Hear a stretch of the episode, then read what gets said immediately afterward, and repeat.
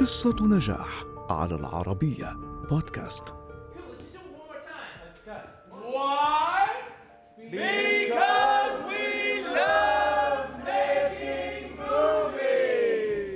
مشاهد دموية عنيفة وحوارات طويلة وتحريك فريد للكاميرا وأفكار خارجة عن المألوف هذا ما يميز أفلام المخرج الأسطوري كوينتين تارانتينو.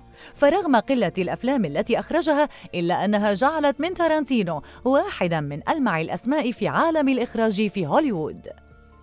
ولد كوينتين تارانتينو في ولاية تينيسي عام 1963 لأب موسيقي من أصول إيطالية وأم ممرضة.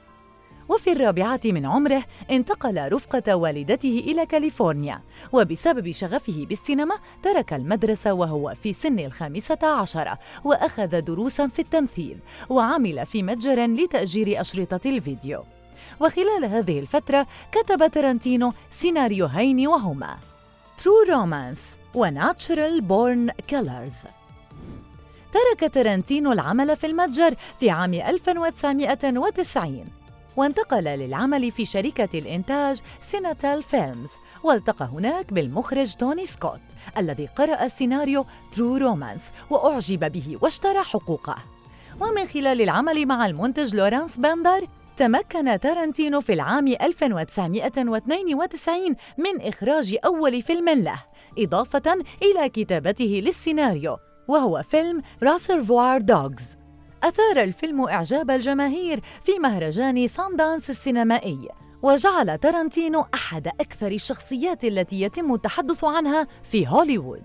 وبعدها بعامين أخرج تارانتينو ثاني أفلامه Pulp Fiction ونجح في نسج قصص مختلفة ومترابطة وصنع فيلما حقق أكثر من 108 ملايين دولار في شباك التذاكر. وفاز بجائزة السعفة الذهبية في مهرجان كان السينمائي وحصل على سبع ترشيحات لجوائز الأوسكار وفاز بجائزة أفضل سيناريو أصلي.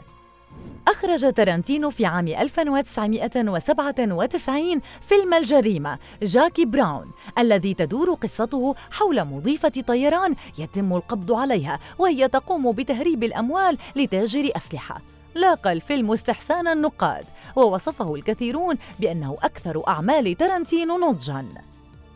ابتعد تارانتينو بعدها عن الإخراج حتى عام 2003 عندما أخرج فيلم Kill Bill الجزء الأول. حقق الفيلم نجاحا كبيرا وبلغت إيراداته 180 مليون دولار رغم أن ميزانيته لم تتجاوز الثلاثين مليون دولار. وبعد عام واحد فقط أخرج تارانتينو الجزء الثاني منه بعنوان Kill Bill 2 في عام 2009 أطلق تارانتينو الفيلم المبني على الحرب العالمية الثانية ولكن بنهاية مختلفة. Inglourious Bastards. وركز فيه على مجموعة من الجنود الأمريكيين اليهود المدربين على قتل النازيين في فرنسا التي تحتلها ألمانيا. وأعجب النقاد والجمهور بالفيلم. وترشح بفضله لثمان جوائز أوسكار.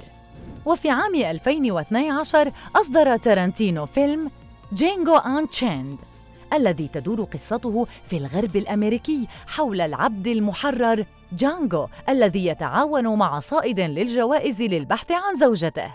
وفاز تارانتينو من خلاله بثاني جائزة أوسكار لأفضل سيناريو أصلي إضافة إلى حصول الفيلم على عدة ترشيحات أخرى لجوائز الأوسكار. أعلن كوينتين تارانتينو في عام 2021 اعتزال الإخراج بعد أن قدم في مسيرته عشرة أفلام فقط لكنها تميزت جميعها بحبكة متقنة وحوارات طويلة وشيقة وبطابع دموي وبطريقة تصوير فريدة وأفكار خارجة عن المألوف.